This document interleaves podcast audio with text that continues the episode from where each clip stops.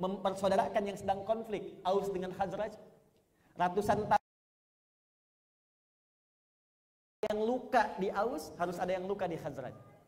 Ada yang wafat di Aus pasti ada yang meninggal di Khazraj. Itu seketika ketika datang Nabi yang kedua dikerjakan oleh Nabi dipersatukan keduanya. Bahkan dahsyatnya setelah persatuan itu terjadi turun kemudian surah yang ke-62 disebut dengan surah Al-Jumu'ah. Saya sedikit sekali sebelum mengulas kepada tema besar kita pada saat ini karena nanti ada yang harus kita kritisi dulu sebelum kita bahas. Teman-teman sebentar, boleh saya menulis? Ya. Alhamdulillah ya. ya. Saya cek sebentar, uh, Pak Adam bisa kelihatan? Kok luar biasa, belum saya tulis sudah kelihatan ya. cuman Pak Adam. ya, cuman waktu dubes di UK yang sebelum saya tulis sudah kelihatan. Oke, maaf Pak Adam. Teman-teman, surah ke-62 Al-Jumu'ah. Saya pelankan sedikit. Saya tulis ya dengan bahasa Arab ya. Al-Jumu'ah. Apa artinya Jumat? Oh, apa artinya Jumat? Hari Jumat. Apa artinya hari Jumat? Jumat.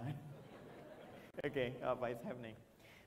Teman-teman, sebetulnya sebelum ada hari Jumat, itu harinya dikenal dengan Yaumul Arubah.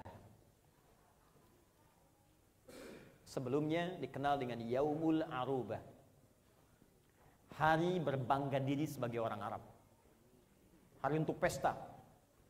Hari untuk menunjukkan persaingan.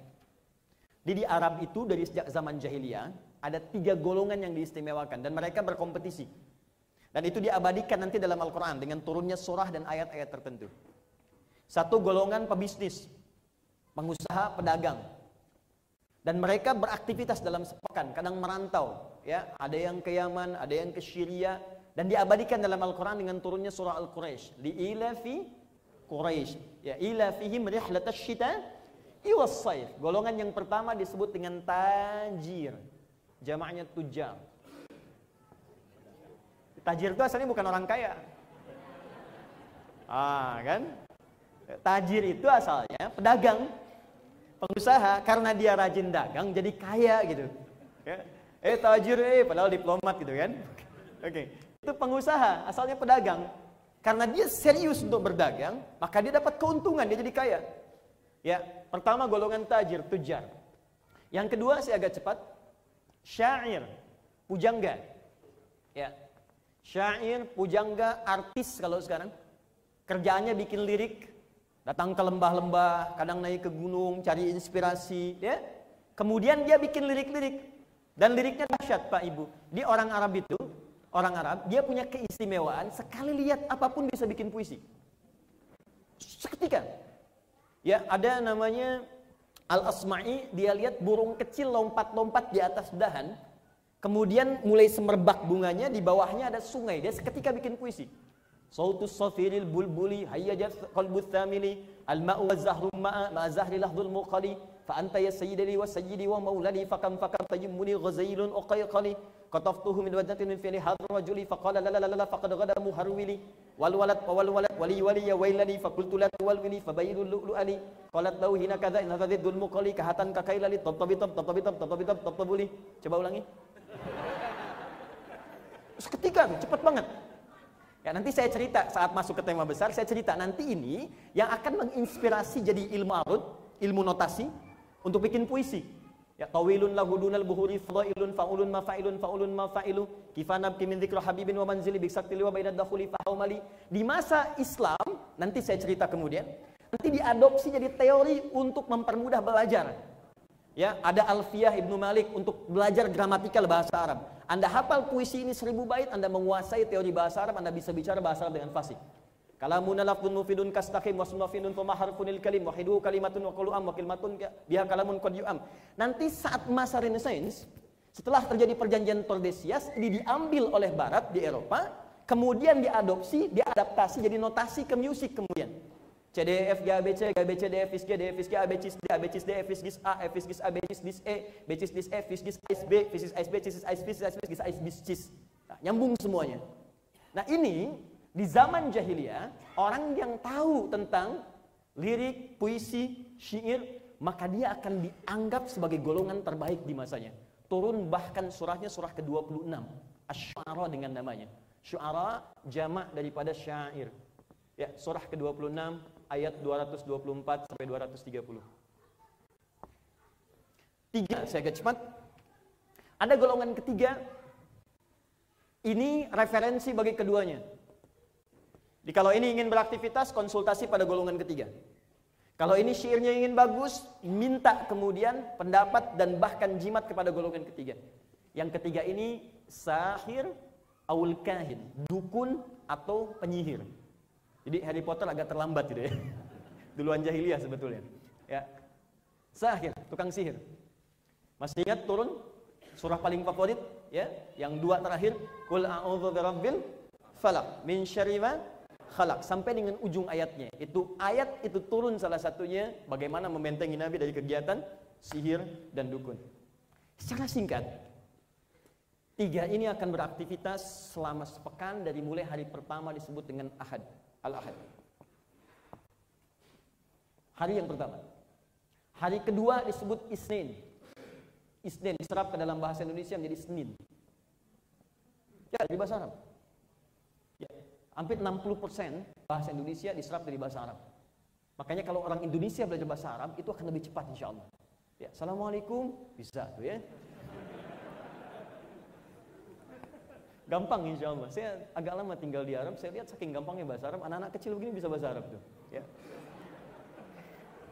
Tiga, ada sulasa. Diserap ke dalam bahasa Indonesia, selasa. Dari kata salasa, tiga. Empat, arbi'a, secepat. Diserap jadi kata rabu, hari yang keempat. Lima, khamis. Dari kata khamsah. Lima, diserap dalam bahasa Indonesia di kamis. Nah ini uniknya yang keenam, tidak diberi nama dengan bilangan. Tapi diberi nama dengan kebanggaan hasil persaingan di hari beraktivitas ini. Jadi rupanya dari hari pertama sampai hari kelima ini semua ada yang merantau, ada yang bikin jimat, ada yang bikin lirik dan sebagainya.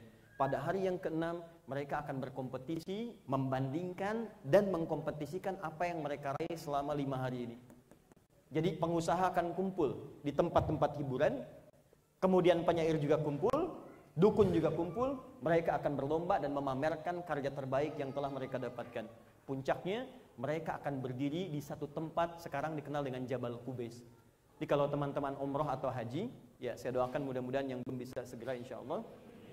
Ya tidak cukup dengan amin, nabung, siapkan.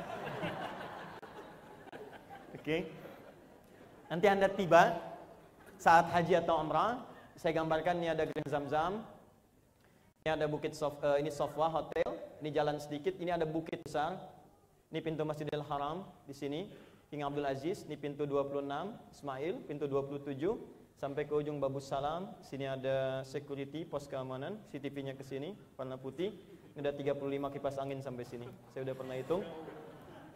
Di atas sini mereka akan berkumpul tepat sejajar dengan Ka'bah untuk memperlombakan dan berbangga diri sebagai orang Arab. Siapa yang puisinya paling bagus, itu yang akan dituliskan, ditempelkan di dinding Ka'bah disebut dengan mu'allaqat. Kelak kemudian di masa Islam akan diganti dengan kain kiswah Ka'bah, tulisannya diganti dengan Al-Quran. Maaf, yang paling kaya di sini akan berlomba. Siapa yang hartanya paling banyak, dia akan diangkat jadi hartawan yang akan sangat dihormati dan jadi patokan bagi semua masyarakat Arab. Termasuk siapa yang jimatnya paling bagus, ini yang akan jadi kemudian patokan dalam berkonsultasi dan memberikan saran-saran dalam beraktivitas di masyarakat Arab. Teman-teman, maaf ketika Nabi pindah ke Madinah, ini yang bernama Yaumul Arubah, tepat ketika mempersaudarakan Ansor dengan Muhajirin, ketika mempersaudarakan Aus dengan Hazrat, ketika diminta Nabi untuk kemudian bersatu dengan lingkungan sekitarnya, maka digantilah oleh Allah Yaumul Arubah hari berbangga diri dengan yaumul Jum'ah. Seketika. Jum'ah artinya bukan sekedar kumpul. Jumat dari kata al-jam'u yang punya tiga arti. Satu, datang berkumpul. Dua, lihat dan kenali siapa yang datang. Dan ketiga, saling bersinergi dan mengisi dengan siapa kemudian Anda datang dan berkumpul. Jadi ketika kita dipertemukan sepekan sekali, itu sebetulnya mengingatkan momentum pada masa Nabi ketika datang ke Madinah. Saya tidak ingin kata Allah ada orang cuma kumpul berbangga-bangga saja.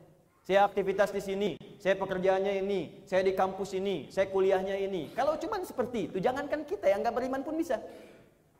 Lu apa bedanya iman kita dengan yang lain? Karena itu ayat Jumat dibuka dengan kalimat iman. Ya ayyuhalladzina amanu. Hai orang-orang yang telah merasa beriman, mesti ada perbedaan imanmu dengan orang yang belum beriman. Apa di antara perbedaannya? Jika engkau berkumpul di mana pun, dan itu dilatih sepekan sekali, maka jangan sampai pertemuan itu hanya sekedar menghadirkan jumpa, riang, tertawa, gembira, sharing tentang apa yang kita dapatkan kemudian berakhir dan bubar begitu saja. Kata Allah, saya tidak inginkan itu. Yang diinginkan, kenali siapa yang datang. Karena itu saya berharap teman-teman bukan sekedar hadir, datang, tapi saya pikir akan bagus kalau ada database, kemudian saling mengenal, kemudian saling mengisi, dan yang paling indah, ini bagian terakhir tidak pernah ada datang ke Jumat di masa Nabi kecuali selesai urusannya. Ada yang lapar, dia dapat makanan. Ada yang haus, dia dapat minuman. Ada yang butuh pekerjaan, Nabi mengarahkan supaya dia mendapatkan apa yang dia harapkan. Maka saya berharap pertemuan semacam ini biaya tidak sedikit, tenaga, waktu dan sebagainya. Maka sunnah Nabi yang kedua, saya harap kita bisa maksimalkan dengan pertemuan kibar kali ini. Saya yakin itu bisa dilakukan dan saya paham insya Allah Anda orang-orang terbaik yang bisa mewujudkannya insya Allah. Ya.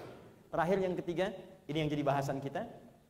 Tidak pernah Nabi hadir dalam sebuah perkumpulan kecuali beliau akan membahas tema-tema tertentu yang dengan itu akan melahirkan inovasi-inovasi baru dalam kehidupan. Maka saya akan memulai tema besar kita, jati diri Muslim modern terkait dengan aspek kesempurnaan dari nilai-nilai keislaman. Saya mohon izin memulai materi saya yang barusan mukaddimah yang sekarang kita akan bahas dengan uraian yang agak saya sedikit pelankan insya Allah. Saya mau komitmen dulu.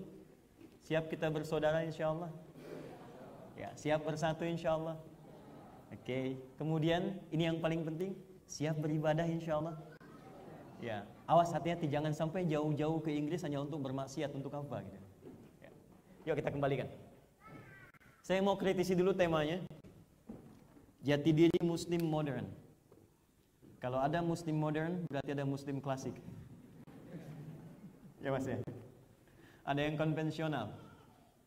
Nah, sedikit saya tekankan dulu. Semua muslim pasti modern.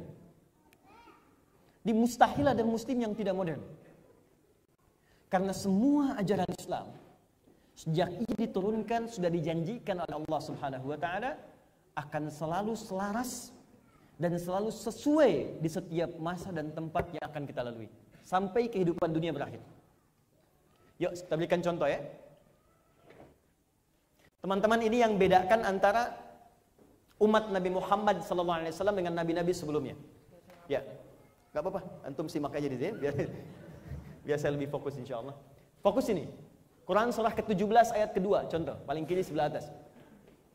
Nabi Musa alaihissalam ketika diangkat menjadi nabi dan rasul, Allah turunkan kemudian bimbingan, Allah turunkan kitab, petunjuk, tapi dijelaskan oleh Allah misinya, visinya hanya untuk kalangan terbatas saja, Bani Israel. Wa ataina Musal kitab wa ja'alnahu hudan li Bani Israel. Kami berikan kepada Musa kitab bimbingan untuk membimbing umat supaya lebih baik. Tapi dibatasi libani Israel untuk kalangan Bani Israel saja. Selesai. Di masanya Musa. Karena itu ketika Musanya wafat, maka mukjizatnya, baik tongkatnya, baik kemudian kemuliaan yang lainnya, bahkan kitabnya berhenti sampai di situ. Saya tanyakan pada Anda, siapa yang pernah menemukan kitab Nabi Musa Taurat sampai sekarang dengan versi asli? Tunjukkan pada saya. Saya punya koleksi Taurat, bahkan Talmud yang sekarang, tapi ketika kemudian dikaji, digali, tidak sampai kepada bahasa aslinya. Oke. Okay. Nabi Isa alaihissalam, Quran surah ke-19 Maryam. Ayat 31 sampai 33. Ketika diangkat oleh Allah menjadi nabi, menjadi rasul, diperintahkan untuk sholat, diperintahkan untuk ibadah, apa fokusnya? Satu keterangannya. Sama persis, Libani Israel hanya membimbing kalangan tertentu di Bani Israel itu pun wilayah sebagian dari Palestina saja. Anda tarik ke atas lagi. Ya, Quran surah ke-51 ayat 24 sampai 30. Kenal Nabi Ibrahim? Bagus. Ada yang kenal Nabi Ibrahim? Ini masih agak lumayan lah. Saya di Sukabumi, ada yang kenal Fir'aun. Saya tanya kenal Fir'aun? Kenal Ustaz, Masya Allah, luar biasa. Oke, okay. Nabi Ibrahim itu sezaman dengan Nabi Lut alaihissalam. Saya ulang, Nabi Ibrahim sezaman dengan Nabi Lut. Anda bayangkan, beda kota, beda Nabi. Jadi kalau misalnya di sini Manchester dengan Liverpool, gitu kan? Itu di Manchester dengan Liverpool, nabinya beda. Beda kota, beda nabi Anda bayangkan. Nabi Ibrahim untuk kalangan komunitas tertentu, Nabi Lut komunitas tertentu. Ketika malaikat akan datang memberikan kemudian hukuman pada umat Nabi Lut yang menantang azab, memang minta diazab. Itu mampir dulu ke tempatnya Nabi Ibrahim. Ya, buka Quran surah 51 ayat 24, ya paling kanan sebelah bawah. Hal ataka hadithu dhaifi Ibrahim al-mukramin. Pernahkah Anda mendengar kisah tentang datangnya para malaikat bertamu ke tempatnya Nabi Ibrahim di malam hari? Oke, apa tujuannya? Terus ke ayat 30, 31, 32-nya sampai ke atas, paling kiri sebelah atas. Ya, qala fama khatbukum ayyuhal mursalun. Ya, maka Nabi Ibrahim bertanya, kalian ini apa tujuan datang kemari? Apa jawabannya? Inna ursilna ila qaumin mujrimin. Kami itu bukan ke sini sebetulnya, cuman mampir tujuan kami ke tempat umatnya Nabi Lut alaihissalam. Di Anda bayangkan, ternyata setiap nabi yang diutus oleh Allah sebelum Nabi Muhammad wasallam ajarannya terbatas pada komunitas tertentu di waktu tertentu dan tidak kemudian bisa dibawa ke masa-masa berikutnya. Kecuali kalau hanya masuk pada ranah keyakinan-keyakinan saja. Yuk kita urut ya. Sebelum Nabi Muhammad SAW misalnya bin Abdullah bin Abdul Muttalib bin Hashim bin Abdul Manaf bin Qusay bin Murrah bin Kilab bin Ka'ab bin Lu'ay bin Fihir bin Malik bin Nadar bin Kinana bin Khuzaimah bin Mudrika bin Ilyas bin Nizar bin Mudar bin Ma'ad bin Adnan bin Adi bin Adri bin Muqawwam bin Nahur bin Tarikh bin Ya'rub bin Yasjub bin Nabit bin Ismail alaihissalam bin Ibrahim alaihissalam bin Azar bin Nahur bin Abir bin Kinan bin Arfakhshad bin Sam bin Nuh alaihissalam bin Mihlail bin Matushada bin Kinan bin Anwas bin Thith bin Adam alaihissalam dari Nabi Adam sampai nanti ke Nabi Isa alaihissalam 600 tahun sebelum lahirnya Nabi Muhammad SAW ternyata hanya terbatas pada komunitasnya saja dan ajarannya berhenti sampai di situ. Nabi Muhammad berbeda. Karena berbeda ini, semua nabi pernah menyebutkan tentang misi Nabi Muhammad yang selalu akan terbawa ke setiap masa sampai dengan berakhir kehidupan dunia. Di mana ditemukan di antaranya? Yuk kita buka Quran surah kedua ayat 185. Keterangan Nabi Ibrahim di Quran surah kedua ayat 129. Keterangan Nabi Isa Yesus Mesia di Quran surah ke-61 ayat yang ke-6. Lalu ditutup dengan Quran surah ke-4 ayat 163. Fokus dengan saya. Ini landasan berpikir kita. Saya tidak ingin kita membahas sesuatu tanpa punya argumentasi yang kuat. Quran surah kedua ayat 185, paling kiri pertengahan di mushaf. Syahrul Ramadan alladhi unzila fihi al-Quran hudan linnas. Di bulan Ramadan kata Allah, aku turunkan Al-Quran. Fokus baik-baik. Hudan linnas. Apa tujuan diturunkannya Al-Quran itu? Supaya jadi petunjuk. Semua kitab disebut hudan. Taurat hudan.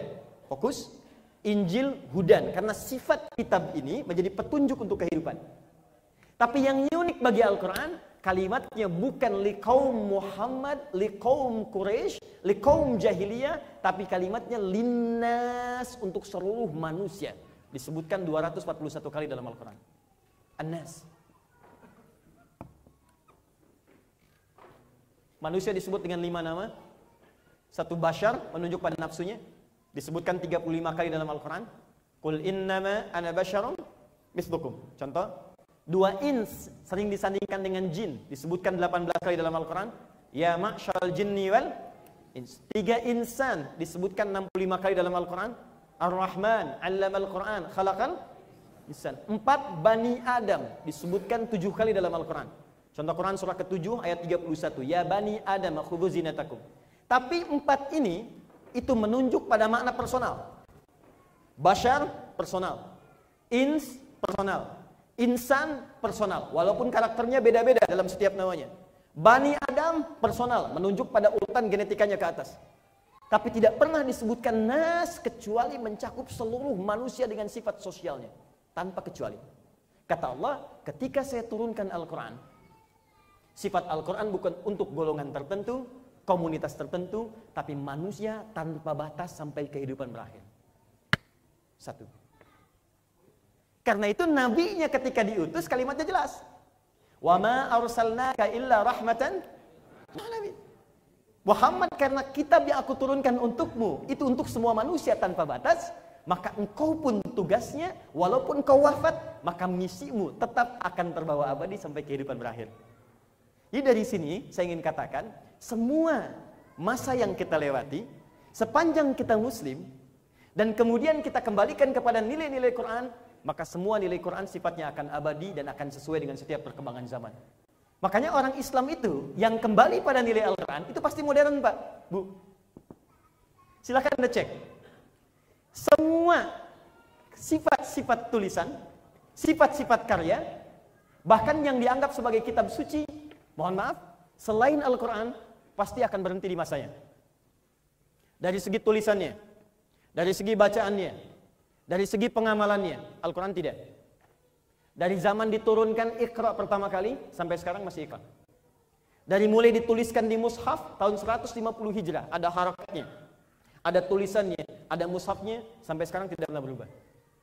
Kita ambil ke ibadahnya, maaf ya.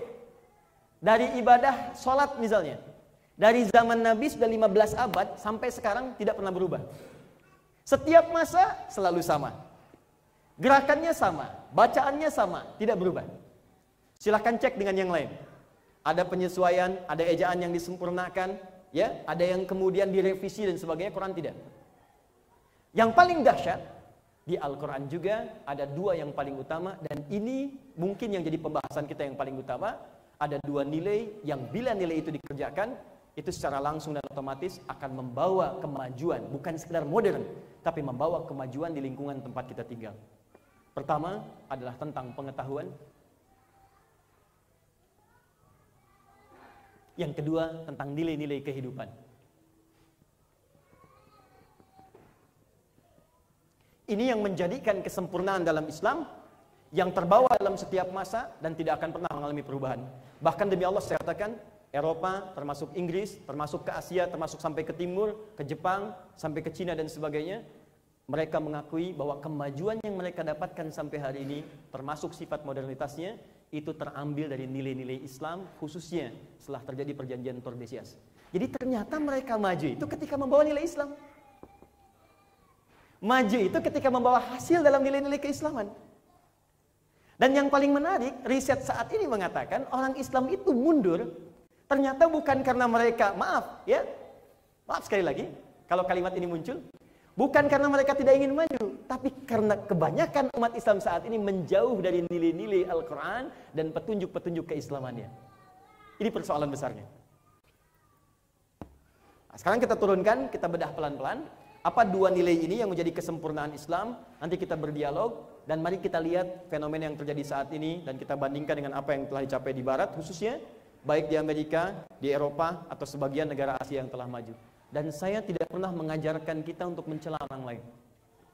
Tapi kita harus introspeksi ke dalam. Kalau kita punya teorinya orang mengamalkan, jangan kita cela. Yang terjadi adalah seharusnya kita kembalikan pada tuntunan ini dan kita amalkan dalam kehidupan kita. Saya mulai dari bagian yang pertama dulu. Mustahil satu komunitas bahkan sebuah negara disebut modern bisa maju kecuali sebab yang pertama itu terhimpun di dalamnya yaitu bagian pertama berkumpulnya ilmu pengetahuan yang dipraktikkan dalam nilai-nilai kehidupan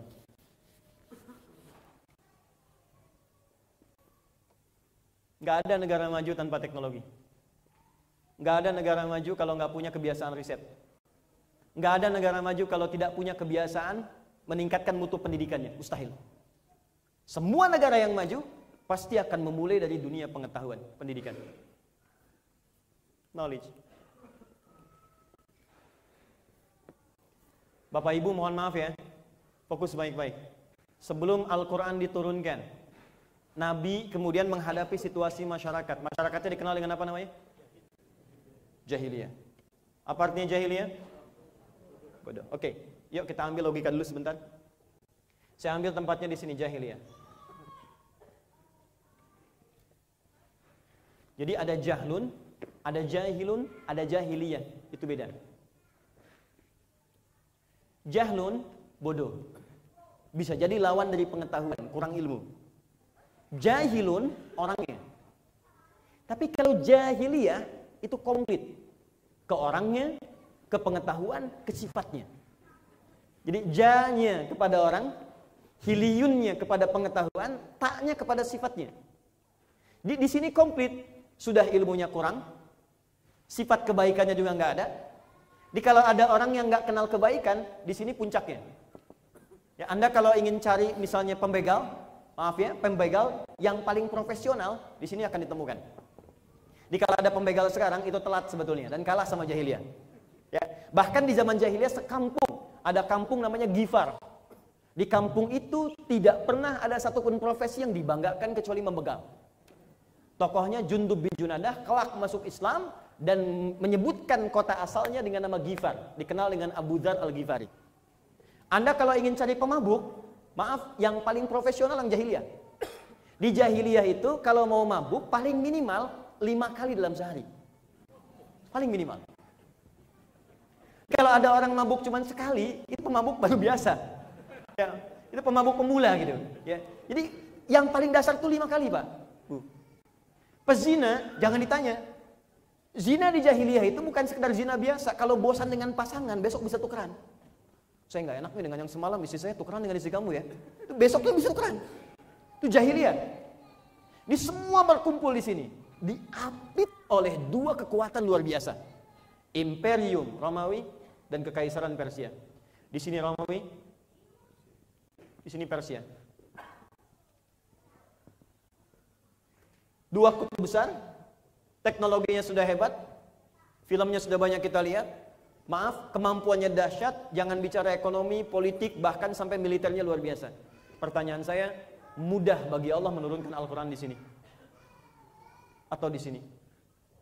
Tapi kenapa Allah turunkan di sini? Untuk menunjukkan kepada kita dahsyatnya Al-Quran. Bahkan mampu menjadikan yang paling nadir di titik hal-hal yang buruk ini baik kriminalitasnya, pengetahuannya, ekonominya, segalanya dengan dahsyatnya Al-Quran dia akan terangkat bahkan mengalahkan Persia dan Romawi. Jadi kalau diturunkan di sini orang akan berkata pantas maju ya turunnya di Romawi. Kalau turun di sini pantas maju turunnya di Persia. Tapi ketika Allah jadikan turunnya di jahiliyah sampai naik dan diberikan status khairul ummah. Turun Quran surah ketiga ayat 110. Kuntum khaira ummah. Dahsyatnya dengan turunnya Al-Quran ke sini tiba-tiba masyarakat ini menjelma, membuat peradaban dan peradabannya tidak pernah disebutkan dengan nama kotanya. Silakan Anda cek. Mesir maju, peradabannya disebut dengan peradaban Mesir. Mesopotamia, peradaban Mesopotamia. Romawi, peradaban Romawi. Persia, peradaban Persia. Tapi ketika Islam datang memberikan sibgoh kepada masyarakat Arab, tidak pernah ada peradaban Arab. Yang ada peradaban Islam. Peradaban Islam di Baghdad peradaban Islam di Spanyol, peradaban Islam di Nusantara. Ternyata ketika nilai Islam itu diikuti, itu bukan hanya membentuk manusia menjadi taat kepada Allah, tapi juga menghasilkan nilai kemajuan dalam bentuk peradaban. Apa dasar yang paling pertama? Saya tanya kepada kita semua, jika ingin maju, maka kembali kepada Al-Quran. Ayat pertama yang diturunkan oleh Allah untuk membuat kita maju, bukan sekedar dekat dengan Allah. Apa ayatnya? Quran surah 96 ayat yang pertama. Apa ayatnya? Iqra bismi rabbikal ladzi Saya tanya apa artinya Iqra? Baca. Iqra. Quran surah 96 ayat pertama. Dan ini baru pengantar. Jadi kalau memang ingin maju, ingin modern, biasakan membaca. Ayo baca, gali referensi. Dapatkan sebanyak-banyaknya. Gali, gali, gali. Tadi saya barusan mampir pagi tadi ke British Muslim Heritage Center. Ya, saya masuk ke situ, masya Allah, masuk lurus belok kanan, kiri sedikit ada House of Wisdom. Ya, Baitul Hikmah. Mari kita lihat teman-teman sekalian. Ternyata di sini saja mengakui ketika kemudian didapatkan kemajuan itu, pintu pertamanya apa? Ilmu pengetahuan. Harun ar-Rasyid mengumpulkan, membuat sebuah tempat. Gimana caranya semua masyarakatnya bisa baca. Gimana caranya semua referensi bisa dikaji. Yang dari Yunani datangkan, Persia datangkan, yang belum paham terjemahkan. Makanya silahkan Anda cek, Barat pun bahkan ketika akan mendapatkan kemajuan itu, itu semua referensi diambil. Bahkan mereka nggak malu ngambil dari dunia Islam. Silahkan kita buka sejarah lagi. Ada yang diutus oleh Vatikan belajar ke Spanyol, ada yang diutus dari Portugal, ada yang diutus dari Italia, ada yang diutus dari Inggris, biasa saja. Datang ambil referensi, baca lagi, baca lagi, baca lagi. Jadi kalau memang kita ingin dapatkan kemajuan itu dan dapatkan kemudian modernitas itu, maka syarat pertama kata Allah ini yang pertama disampaikan kepada nabinya. Allah tidak mengajarkan sholat pertama kali. Allah tidak katakan baca Quran. Allah tidak katakan zakat. Pertama kali yang disampaikan, hei engkau hambaku muslim, tidak aku utus kau di dunia. Tidak aku tempatkan kau di bumi kecuali satu, bangun bumi dengan nilai-nilai kemajuan yang nyata. Makanya disebut dengan khalifah. Di antara makna khalifah, membangun sesuatu sampai makmur sifatnya. Ini dia poinnya. Tapi baca itu baru pembuka, Pak, Bu. Pembuka. Sifat bacaannya tidak sampai di sini. Turun kemudian Quran surah ke-9 ayat 122. Ini yang kita gagal dapatkan saat ini. Yuk kita bandingkan dengan beberapa hal yang dilakukan oleh orang-orang terdahulu. Quran surah 9 ayat 122. Paling kiri sebelah bawah di mushaf. Saya turunkan detil ya, sebentar. Fokus. Allah tidak menginginkan siapa pun belajar sekedar untuk baca saja. Maaf, hanya baca, lihat, kemudian tinggalkan. Tidak, bukan itu yang diinginkan. Bukan sekedar dibaca, turun ayat berikutnya. Wa ma kana al-mu'minuna liyanfiru Falaula nafara min kulli firqatin minhum ta'ifah liyatafaqahu fid din. Ini poinnya. Wah, ini sesuai sekali konteksnya nih. Masya Allah. Kata Allah, saya turunkan satu ayat yang kalau Anda kerjakan amalan di ayat itu, maka nilai Anda akan sama dengan mujahid fi sabilillah. Masya Allah. Di, ternyata kata Quran jihad itu tidak harus dipahami dengan perang. Dan ternyata pengertian jihad itu bukan menyerang. Ya, ada banyak yang keliru saat ini atau mungkin mohon maaf ada penafsiran yang tidak tepat. Jihad itu bukan menyerang sebetulnya. Jihad itu membela ketika diserang. Atau menolong yang tergolong. Jadi bukan menyerang orang. Tembak orang, bom orang misalnya dan sebagainya. Itu bukan jihad namanya. Ada aturannya. Saya waktu di Indonesia, waktu kejadian bom di Jalan Tamrin Pak Adam. Saya sedang di Lampung tuh meledak. Pertanyaan pertamanya, Ustadz, apakah bom di jalan Tamrin termasuk jihad fisabilillah? Saya bilang, Mas, sependek pengetahuan saya, jihad fisabilillah itu jihad di jalan Allah, bukan jalan Tamrin. Jadi stepnya agak lain. Dan babnya luas. Perempuan mengandung, jihad. Suami mencari nafkah, jihad. Ya? Nah, kalau memang ada situasi kita mesti membela, membela diri, membela iman, membela agama, membela bangsa, itu bagian kemudian dan turunan-turunan jihad. Dan yang paling dahsyat, ketika tuntutan itu tidak ada, maka amalan yang paling setara dengan itu adalah amalan menuntut ilmu. Belajar. Cari pengetahuan. Jadi kalau ada orang yang kemudian dalam situasi damai, tidak ada tuntutan perang, dan dia dedikasikan hidupnya salah satunya untuk menggali pengetahuan, maka sepanjang dia belajar, itu statusnya sama dengan mujahid fi sabilillah. Kalau wafat orang ini, syahid dia. Dan status orang syahid akan ditempatkan di surga dengan tiga golongan pertama. Tiga golongan yang paling utama. Nomor satunya, semua nabi yang pernah tinggal di bumi. Itu ada di Quran surah keempat, ayat ke-69. Paling kanan pertengahan. Orang yang syahid ditempatkan golongan pertamanya dengan semua nabi. Dari Nabi Adam sampai Nabi Muhammad SAW. Tapi siapa mereka? Kata Allah bukan sekadar orang yang belajar. Bukan cuma datang, baca, ikut ujian, pulang. Bukan. Siapa di antara mereka? Satu, syaratnya mereka beriman. Mereka dedikasikan pengetahuan yang digali itu untuk berkhidmat, beribadah kepada Allah dengan mewujudkan amal saleh. Dan ini tidak harus ilmu agama. Teman-teman yang di Manchester ini kan banyak yang belajar ilmu. Ada yang di sipil, ya kan? Ada yang engineer, Ada yang di teknologi, ada yang macam-macam. Kenapa Anda tidak niatkan itu untuk ibadah? Pak Ibu hadis Muslim nomor hadis 1389. Man dalla ala khairin falahu ajruhu misla adhi fa'ili min ghairi an yankusa min adhi syai.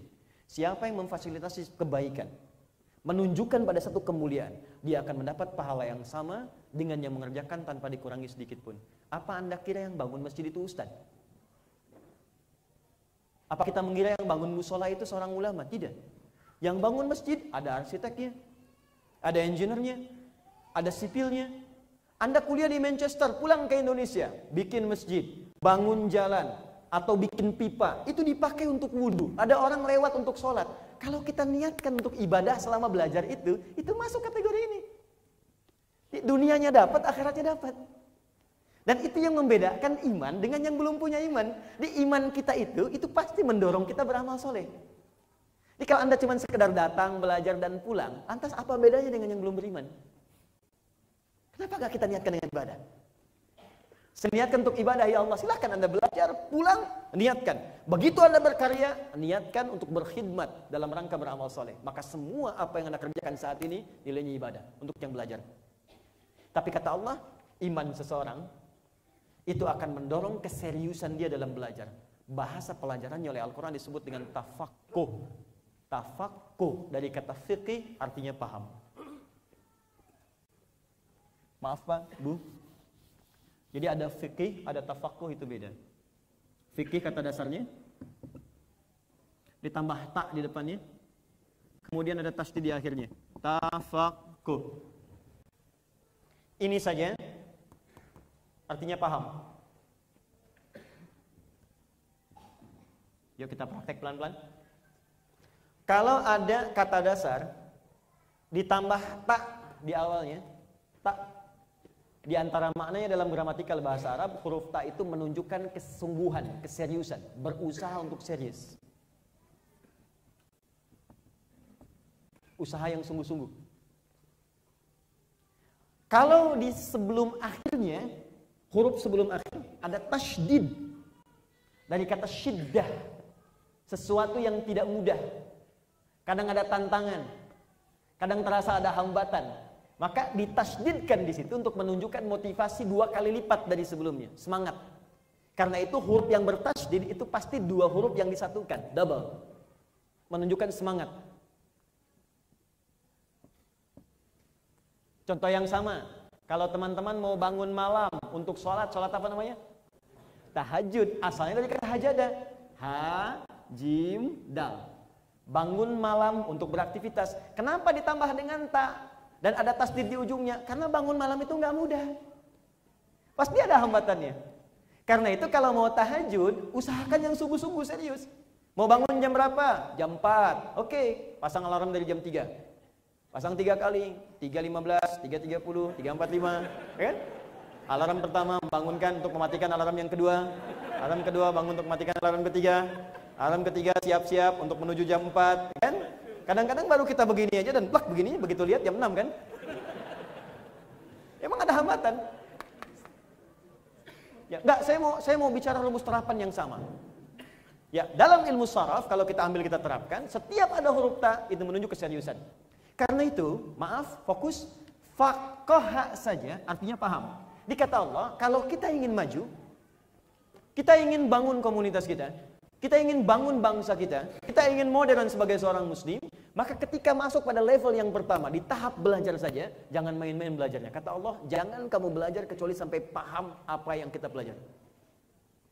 Nggak ada rumusnya, belajar duduk paling belakang, nggak nanya, ya kadang-kadang tidur, terus siap-siap untuk ujian.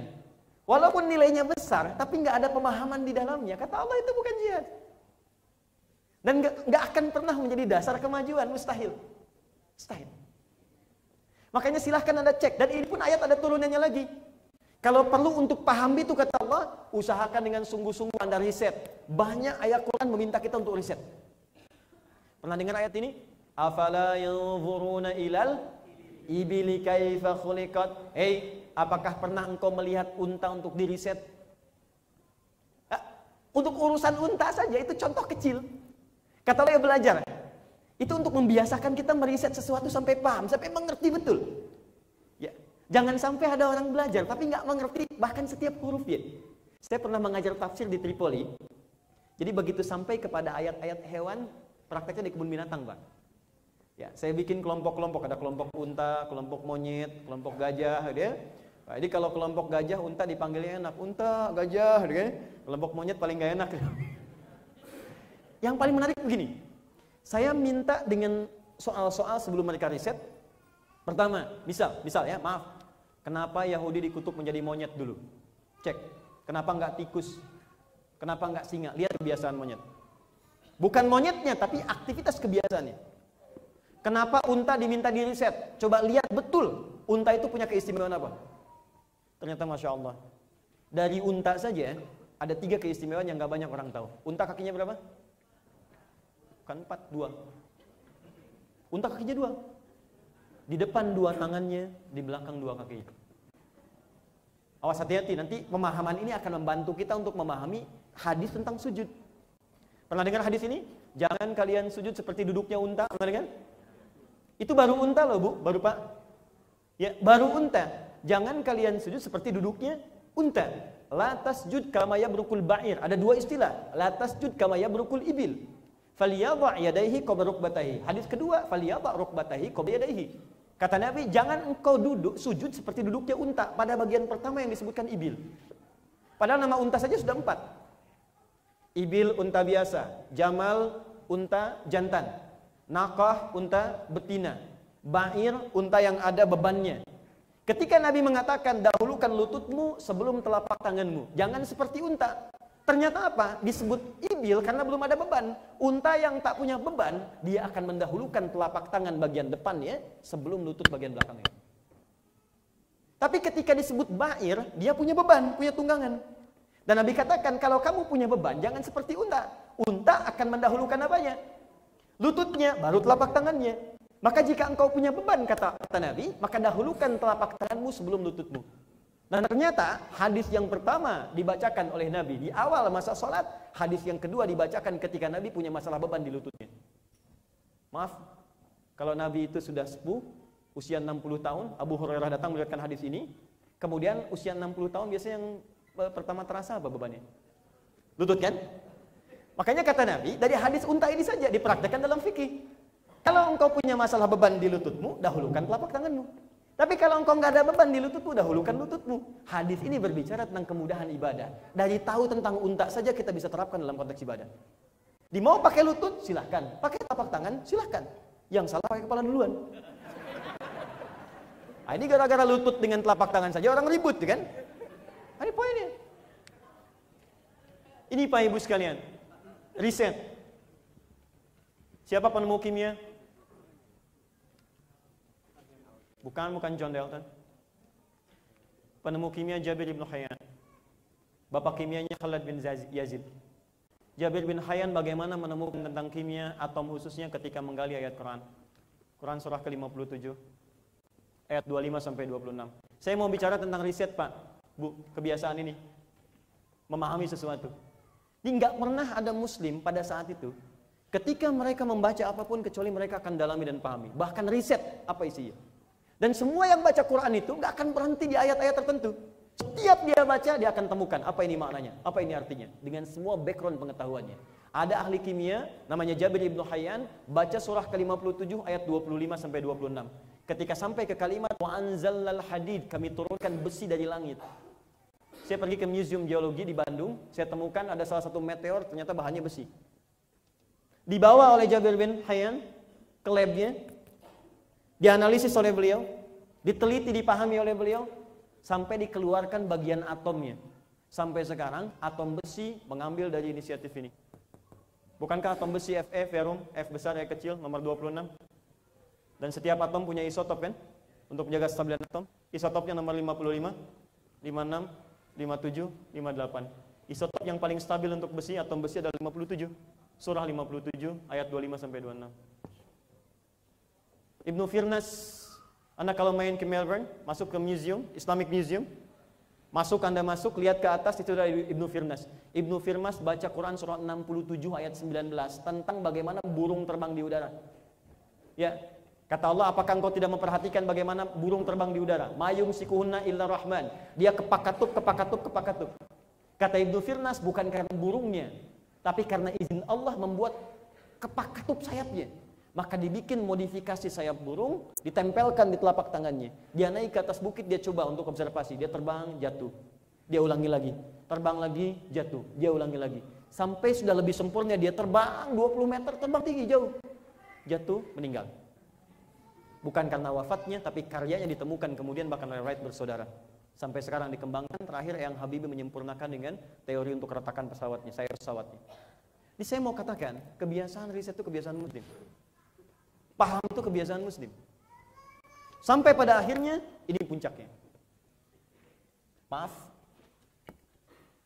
Kalau itu semua sudah dipahami, kata Allah, tidak berhenti ayatnya. وَلِيُنْذِرُوا قَوْمَهُمْ إِذَا رَجَعُوا إِلَيْهِمْ لَعَلَّهُمْ يَحْذَرُونَ Kalau anda sudah jadi pakar di bidangnya, sudah expert di bidangnya, maka pulang ke tempat masing-masing dan bangun kampung anda. Bangun negeri kita. Pulang bangun. Apa faedahnya kita belajar kalau nggak ada manfaatnya? Praktekkan, amalkan. Ini pesan Al-Quran. Jadi kalau kita ingin membawa semangat keislaman diterapkan di tempat kita, dulu begitu. Ya maaf, pedagang datang lewat ke Persia, lewat ke Romawi. Dilihat, disampaikan nanti di Romawi ada ini, ada ini, ada ini. Nanti pulang-pulang oleh Nabi diperintahkan kumpulkan penerjemah, bahas, baca, pelajari. Muncul cendekiawan di riset, dipraktekkan sampai muncul Baitul Hikmah, sampai muncul kemudian di Spanyol, sampai muncul di Baghdad dan terasa sampai sekarang. Ini yang kita butuhkan sekarang. Berapa banyak kalau kita ambil muslim kita, orang Islam kita, dari Indonesia khususnya, maaf yang menerapkan semangat Al-Quran ini. Siapa yang belajar sampai dengan paham? Siapa yang dengan pemahaman itu memunculkan inovasi baru? Dimodifikasi, pulang ke tanah air, bikin sesuatu yang hebat. Saya sekarang punya kelas Al-Quran untuk kelas-kelas profesional. Ada kelas ilmuwan, kelas dokter, ada kelas pengajar, kelas pembelajar. Di dokter itu kami aja ada beberapa spesialis, 400 yang kumpul. Dokter mata, dokter gigi, semua kurikulumnya dari Al-Quran. Apa ayat tentang mata di Quran? Hadisnya apa? Dipadukan dengan kitab klasik dan pendekatan modern sekarang. Dan diarahkan ke penemuan baru. Dan itu nggak mudah Pak, Bu. Saya pernah tanya pada dokter mata, dok apa ciri mata yang sehat? Kata beliau, Ustadz kalau tidak ada penghalang, kemudian nggak pakai alat bantu dan bisa melihat dengan jelas. Saya bilang saya banyak menemukan yang seperti itu. Tapi mohon maaf, bahkan dia nggak bisa bedakan mana sendal dia, mana sendal orang. Jelas bagi dia sendal, cuman dia nggak bisa bedain mana sendal dia, mana sendal orang. Itu masalahnya apa? Nah, itu yang terjadi sekarang. Nah, jadi saya kembalikan ke sini, teman-teman sekalian. Yang pertama semangat pengetahuan. Ayo mencari, ayo belajar, ayo tingkatkan. Apa yang kita kita dapatkan di Manchester? Anda yang di London, di Manchester, di Irlandia, di tempat yang lainnya, ayo gali sedalam-dalamnya, bawa pengetahuannya, dan dari spirit inilah kemudian Barat belajar untuk membangun peradabannya. Dan jangan mencela mereka sekali lagi. Dan setiap menit yang mengkaji Al-Quran meriset, itu Yahudi sekarang. Dan dipraktekkan. Bahkan mereka orang yang paling yakin tentang hadis-hadis kiamat. Sekarang dia dibangun. Ya, sekali lagi, kembalikan ini bagian pertama kita. Jadi kesempurnaan Islam itu dibangun dengan dasar pengetahuan yang kuat. Dua, ini bagian terakhir. Masih ada waktu? Ah, oh, 10 menit lagi. Islam tidak pernah hadir di setiap tempat dan waktu kecuali menawarkan nilai-nilai positif yang bisa kita bawa dalam berinteraksi di kehidupan kita. Silahkan teman-teman cek. Dan nilai yang paling hebat ini itu secara sempurna, detil dijelaskan langsung menjadi bimbingan dari semua organ tubuh kita. Sehingga kalau dibawa ke aktivitas sosial misalnya, interaksi baik sesama muslim atau non muslim itu pasti akan baik. Mau dibawa ke ranah rumah tangga, pasti baik. Mau dibawa ke level sosial, pasti baik.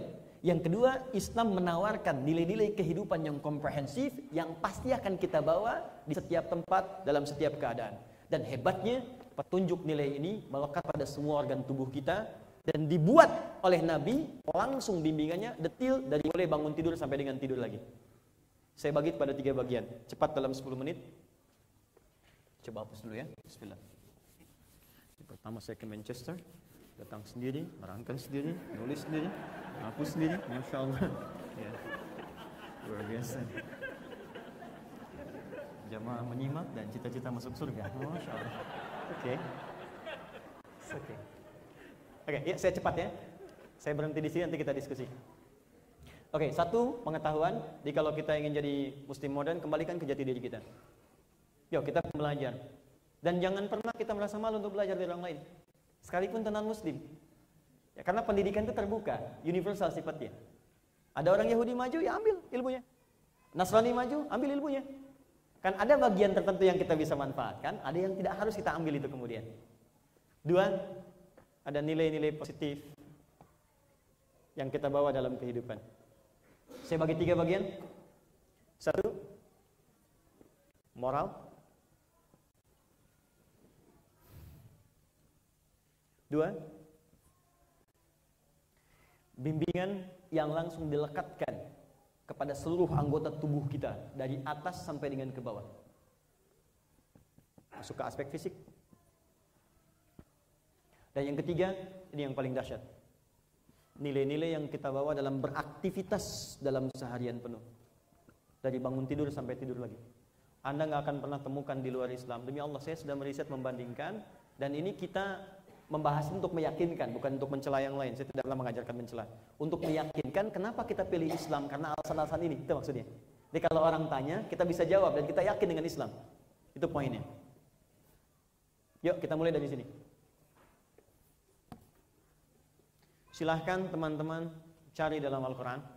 Anda tidak akan pernah mendapatkan bimbingan moral paling tinggi, bahkan sebelum disusun menjadi kesepakatan dunia baik oleh PBB atau yang lain kecuali dalam Al-Quran kejujuran dalam Al-Quran.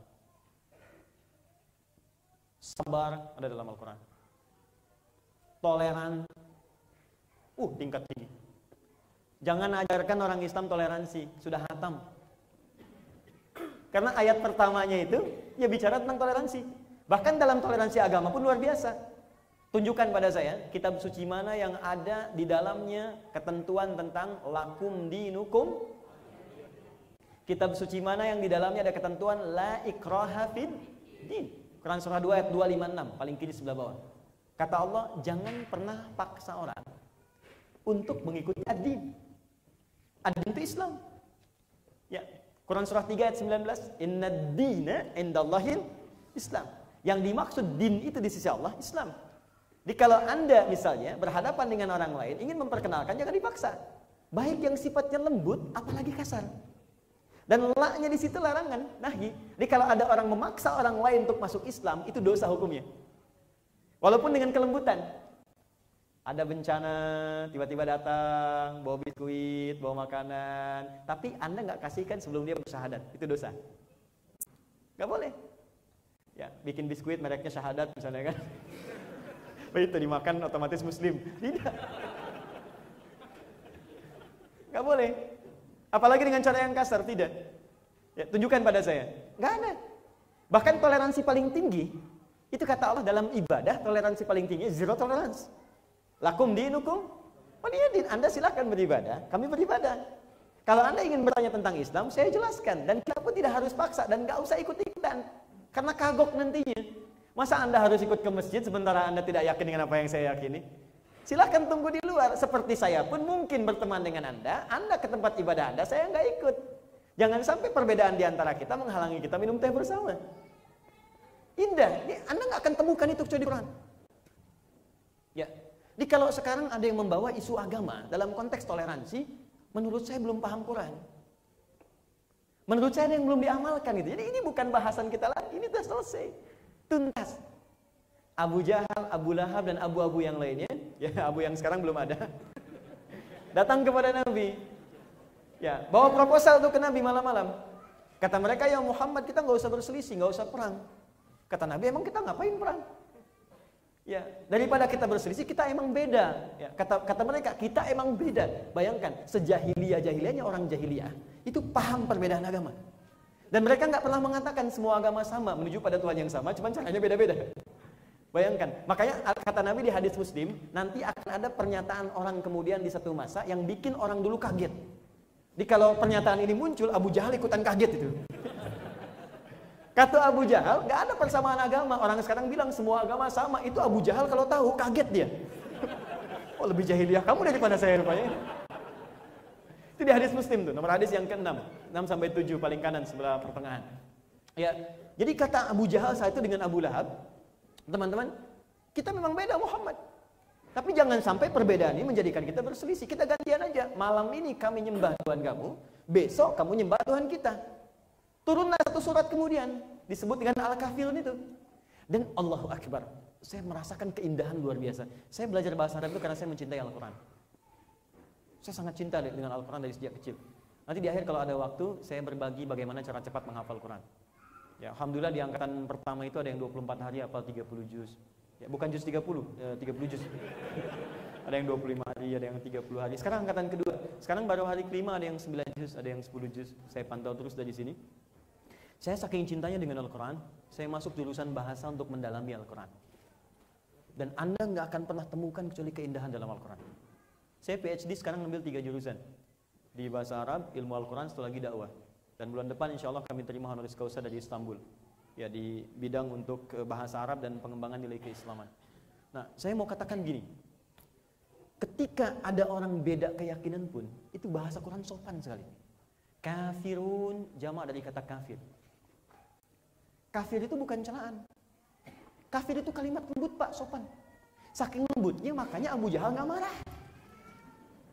Pernah nggak Anda mendengar kisah di sejarah misalnya, ketika Abu Jahal Abu Lahab disebut kafir, langsung bawa pedang ingin membunuh Muhammad? Nggak ada. Kuliah ayyuhal kafirun. Apa? Enggak ada benar. Enggak ada keterangan itu. Karena memang kalimatnya sopan. Kafir itu dari kata kafaro. Diserap ke dalam bahasa Inggris kafir. Yang menutup. Kafir yang masih tertutup. Kafir itu bahasa sopannya, duhai kawan yang memang masih menutup diri belum menerima tentang keterangan Islam. Sopan kan? Enggak ada celaan, enggak ada marah. Kuliah ayuhal kafir. Katakan Muhammad, pada orang-orang itu yang masih menutup dirinya, belum menerima risalah Islam. Sangat sopan. Makanya ketika kalimatnya turun, Abu Jahal gak marah. Abu Lahab gak marah. Dan Abu Jahal itu, itu termasuk manusia yang paling fasih bahasa Arabnya. Bahasa Arab paling fasih, nahu sorob gak usah ditanya, lewat lah gitu. Makanya agak aneh kalau ada orang sekarang bahasa Arab gak ngerti. Kaidahnya juga gak paham, disebut kafir marah. Kafir apa? Nah itu mungkin belum mengerti gitu kan. Saya mau bicara tentang konteks ini teman-teman sekalian. Jadi kalau Anda ingin melihat bimbingan moral, itu di Al-Quran itu tuntas selesai. Bahkan yang paling dahsyat, dijelaskan sumbernya. Siapa yang paling tahu tentang handphone? Membuat handphone. Siapa yang paling tahu tentang motor? Membuat motor. Siapa yang paling tahu tentang manusia yang menciptakan kita? Bahkan Allah jelaskan bagaimana sifat ini, di mana tempatnya di tubuh kita, seperti apa cara kerjanya? Dan bagaimana mengatasinya? Sampai ke situ.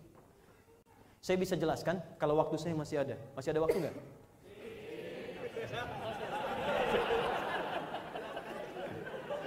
Oke, okay, lihat sini, lihat sini. Saya agak cepat ya, saya agak cepat. Mohon izin, uraian saya terlalu cepat? Sekarang lihat sini, ini masih di sini, ini aja bisa dua jam nih. Ya. Kita sampai jam berapa? Oke. Okay. Oke, okay, saya free, saya free, saya free. Saya hari ini free untuk Anda insya Allah ya. Baik, Anda sampai jam 12 silahkan, saya jam 8 pulang. Moral, alright, uh, focus on me. Lihat sini. Teman-teman, uh, buka Quran surah 91 ayat 7 sampai 10. Quran surah 91 ayat 7 sampai 10. Baik. Wa nafsi wa ma sawaha fa alhamaha fujuraha wa Takwa. Oke, uh, saya ingin menerangkan mudah-mudahan semudah yang saya bisa sampaikan. Jadi begini, di tubuh kita ini secara umum ada dua unsur. Satu body, fisik, jasad. Yang kedua roh, sumber kehidupan. Oke? Okay? Yang pertama apa? Fisik, jasad, body dari kepala sampai ujung kaki. Yang kedua apa? Roh. Nah, buka Quran surah ke-15 ayat ke-28 sampai 29. Kata Allah, saat kita pertama diciptakan, dalam perut ibunda kita, proses pertama berlangsung proses fisik dulu, secara fisik. Ya itu sudah dibuktikan oleh kedokteran sekarang. Ya. Bahkan nanti tahapannya disebutkan rinci di Quran surah ke-22 ayat ke-5. Dari mulai pertemuan spermatozoa dengan ovum selama 40 hari berproses, membentuk kemudian zigot, nempel di dinding rahim, 40 hari, ketiga kemudian 120 hari 4 bulan baru berbentuk mundigo. Sekarang pun di kedokteran Ya di dasar kedokteran modul pertama bahasanya sama mudiwa. Itu mengambil dari bahasa hadis Muslim oleh Imam An Nawawi diterapkan di Al Arba'in nomor hadis yang keempat, paling kiri sebelah atas. Ya, fokus. Nah, dalam konteks penciptaan ini fisik diciptakan dulu, nanti baru usia 4 bulan roh ditiupkan. Rohnya masuk. Jadi kalau ada yang mengandung usia 4 bulan itu sudah ada rohnya. Ya, makanya nanti ada harus e, contoh-contoh baik di ibu yang mengandung dan ayahnya supaya terbawa ke dalam suasana janinnya. Secara cepat. Roh ini sumbernya dari Allah langsung. Tanpa campur tangan manusia. Itu dalilnya Quran surah ke-17 ayat 85. Wa yas'alunaka 'anir roh qul ruhu min amri rabbi. Mereka bertanya tentang esensi roh, katakan jangan dicari karena semua sumbernya bersumber dari Allah. Beda dengan ini fisik. Di sini ada ikhtiar, manusia yang ditetapkan oleh Allah. Jadi dibentuk kemudian dengan dasar ikhtiar manusia Allah tetapkan. Seorang ibu makan, maaf ya, dari makanan ini kembali kemudian kepada janin, memberikan keadaan kualitas janin berkembang. Kalau asupannya bagus, janinnya mulai bagus. Baik, bagaimana ibu itu makan? Dari pencarian hasil suaminya. Karena sifat yang dibawa ini dicari, didapatkan sumbernya dari tanah, Kata Nabi SAW, Adam berasal dari tanah dan jenis tanah ada banyak. Ada yang putih, yang coklat, yang hitam sampai dengan melumpur. Artinya kualitas fisik bisa beda-beda. Kalau sumber makanannya bagus, halal, maka bersih kualitas fisiknya. Tapi kalau yang haram dibawa, yang syubhat bercampur, boleh jadi ini akan kotor.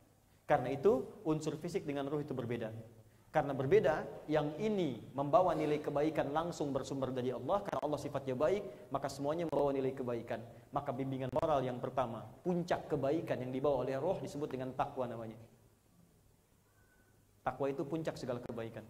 Di takwa ini ada sifat jujur, sabar, tawadu dan seterusnya. Makanya dalam jiwa kita itu pasti punya kecenderungan baik. Cukup Anda menjadi manusia, pasti jiwa kita ini akan mendorong pada kebaikan.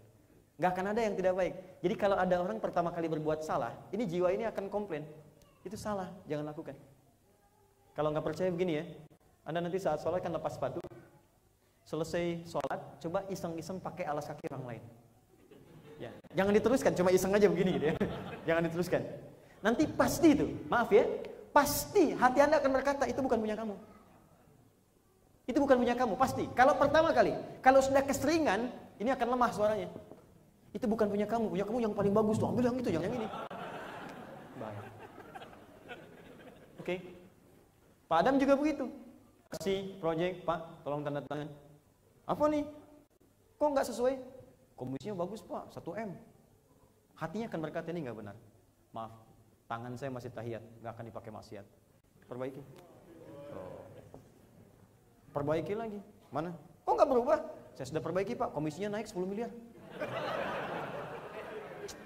Kamu ini, sebentar, saya istiqoroh dulu. ah, ini jiwa takwa. Oke? Okay? Baik, makanya jiwa ini yang mengingatkan kita kalau kita muslim, setiap ada seruan ini pasti akan memanggil. Pernah dengar, pernah merasakan begini? Allahu Akbar, Allahu Akbar. Tiba-tiba hati berkata, ya sudah ada. Atau sekarang adzan belum dengar? Sudah kapan waktunya sholat ini takwa? Saat yang bersamaan, karena unsur ini berbeda, fisik, tidak sama, maka namanya disebut beda oleh Allah. Namanya disebut fujur. Fujur campuran antara nilai baik dengan hal-hal yang kurang baik. Nama lainnya nafsu. Nafsu. Makanya ketika roh dengan fisik menyatu, maka berubah nama jadi nafas. Diserap ke dalam bahasa Indonesia menjadi nafas. Ketika roh mulai masuk, manusia bisa bernafas maka muncul kemudian tanda-tanda kehidupan. Tapi jangan lupa saat bernafas itulah dua sifat ini menyatu. Dia ada nilai kebaikan dalam dirinya, ada nilai yang negatif dalam dirinya.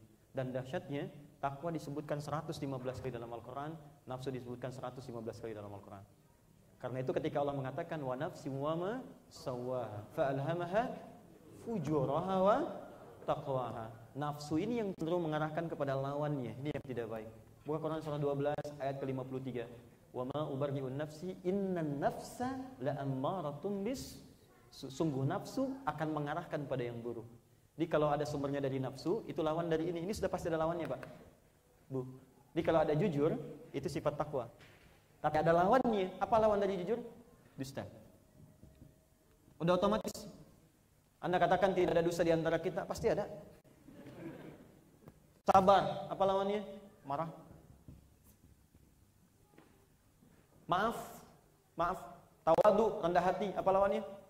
Sombong. Jadi setiap ada nilai kebaikan di sini, maka pasti ada lawannya di sini. Dan dahsyatnya, Al-Quran memberikan bimbingan bagaimana cara mengalahkan nafsu atau mengarahkan nafsu untuk membangkitkan takwa. Cuma ada di Quran. Ini yang menyebabkan kebanyakan orang, maaf, pengetahuannya tinggi tapi moral hazardnya kurang. Maka pengetahuan itu dibawa untuk memuaskan nafsu. Ilmunya pintar, tapi pintar untuk nipu orang. Ilmunya bagus, tapi bagus dipakai untuk nyuri orang. Bahkan sekarang pencuri itu menerapkan nilai takwa dalam pencuriannya. Saya serius. Sekarang banyak koruptor sabar dalam korupsinya. Sabar itu kan pekerjaan takwa. Pencuri motor itu sabar bener nyuri. Ada tiga orang pencuri, satu yang bosnya, kedua trainersnya, yang ketiga pemula. Yang pemula ini uji coba kecepatan harus satu detik, dia tiga detik belum selesai. Dan ngadu sama bosnya, bos gimana tiga detik? Kata bosnya sabar. Anda bayangkan, jadi kalau ahli maksiat saja sudah sabar, kenapa orang taat gak bisa sabar? Ini poin. Tapi yang dahsyat, ini yang gak ditemukan di referensi lain. Allah membimbing kita bagaimana menaklukkan nafsu. Ternyata kata Allah, qad aflaha man zakah. Kalimat singkat tapi dahsyat. Anda bisa memahami ini, selesai kehidupan kita dalam kesulitan di dunia. Bahagia aja. Gak ada yang gak enak, semua enak. Sungguh akan bahagia, akan sukses. Jadi kalau aflah itu di bahasa Inggris bukan sekedar uh, happiness, tapi sukses. Sukses dan bahagia. Dia ada sukses saja, disebut fauz. 29 kali disebutkan dalam Al-Quran, turunannya. Fauz, Fauzi, Fauzan, Faiza. Kalau ada yang namanya Fauzan, itu artinya sukses. Sukses, walaupun belum tentu bahagia. eh, ya, maknanya begitu. Lawannya Farah. Orangnya Farhan. Perempuannya Farah. Kalau ada yang namanya Muhammad Farhan, itu artinya orang yang diharapkan bahagia dalam hidupnya. Walaupun belum tentu sukses.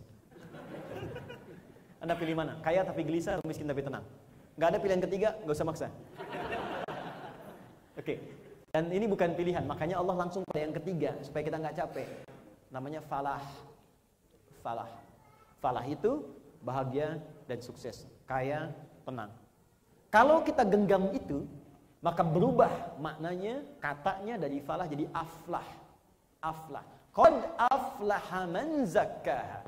Orang yang bisa menaklukkan, menyuci nafsunya, maka dia akan berpeluang besar sukses dalam aktivitasnya dan bahagia dalam hidupnya. Betapa banyak orang hancur karirnya karena kemudian perilaku yang tidak bisa dikendalikan lewat nafsunya. Bahkan yang dahsyat, suaminya bagus, istri kurang baik. Betapa banyak nanti kemudian karir suami hancur gara-gara perilaku istri. Atau sebaliknya, istrinya bagus, suami kurang bagus. Betapa banyak kemudian keluar dari nilai-nilai kebaikan. Tapi yang paling dahsyat, lihat kalimatnya. Qad aflaha man zakkaha. Lihat di terjemahan. Sungguh akan bahagia dan sukses orang yang mampu menyucikan nafsunya. Sekarang fokus dengan saya. Kalau mencuci itu, Bu, khususnya Ibu, mohon izin dan teman-teman semua, mencuci itu menghilangkan kotorannya atau membuang bendanya. Kotoran kan? Oke? Okay? Gak ada orang nyuci buang bajunya kan? Cek cek cek cek buang. ada kan? Oke, okay. jadi yang di yang dibuang apa ya? Kotorannya. Oke. Okay. Sekarang kalau nggak ada kotorannya, nyuci nggak? Mustahil. Apa yang mau dicuci? Cek cek cek cek cek cek. Mama lagi ngapain? Nyuci. Kan nggak kotor, nyuci aja. Pasti yang dibuang kotorannya kan? Jadi kotoran itu diciptakan dibuat oleh Allah bukan ingin membuat pakaian kotor. Tapi supaya kita mengetahui bersihnya. Sebab kalau nggak ada kotor, nggak mungkin kita tahu bersihnya. Di kotoran diciptakan bukan ingin membuat pakaian kotor. Gitu cara berpikirnya. Tapi supaya kita menemukan yang bersihnya. Sama persis kata Allah, nafsu ini saya ciptakan dengan segala sifat yang kalian anggap buruk itu, bukan ingin menjadikan moral kita buruk, bukan. Tapi sebetulnya kalau di kimia, itu untuk menjadi katalis. Katalis supaya yang positifnya muncul. Sebab kalau nggak ada dusta, bagaimana tahu jujur? Kalau nggak ada marah, bagaimana bisa mengetahui sabar? Di marah diciptakan bukan ingin membuat seseorang pemarah. Tapi supaya sabarnya muncul. Sebab kalau nggak ada marah, nggak bisa tahu sabar. Mungkin nggak tiba-tiba nggak ada hujan, nggak ada angin, tiba-tiba ibu mengatakan pada suami, Papa sabar ya, sabar. Kan suami bingung. Kan? Tapi cara memahami itu indah. Kata Quran, kalau ini terjadi, Anda melihat yang ini, yang kurang baik, jangan dilihat ininya. Tapi langsung lihat lawannya. Maka ketika Anda memahami lawan dari itu, hidup Anda akan bahagia. Contoh praktek suami pulang, tiba-tiba dari pekerjaan ada sedikit amarah. Marah, pulang ke rumah, pintu dibanting, apa salah pintu. Kan? Tiba-tiba keluar kata-kata tidak baik. Marah suami. Apa lawan marah tadi? Sabar. Oh berarti saya mesti sabar. Marah diciptakan, dititipkan pada suami, bukan ingin membuat suami pemarah. Tapi supaya kesabaran pada diri ibu itu meningkat. Karena ada masalah di depan itu yang lebih berat lagi daripada saat ini. Kalau yang ini saja anda nggak bisa sabar, bagaimana mengatasi yang di depan? Ini berbahagialah kalau suami sedang marah. Cari lawannya. Oke, bapak pulang, istri cemberut. Apa lawan cemberut? Senyum. Ya kan? Bukan marah kan?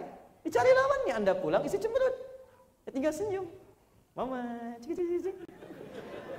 Kenapa? Kasih handphone S10 selesai. Tuntas kan? Eh, memang secara teoritis mudah ya, tapi prakteknya juga tidak susah, ya, tidak tidak tidak mudah.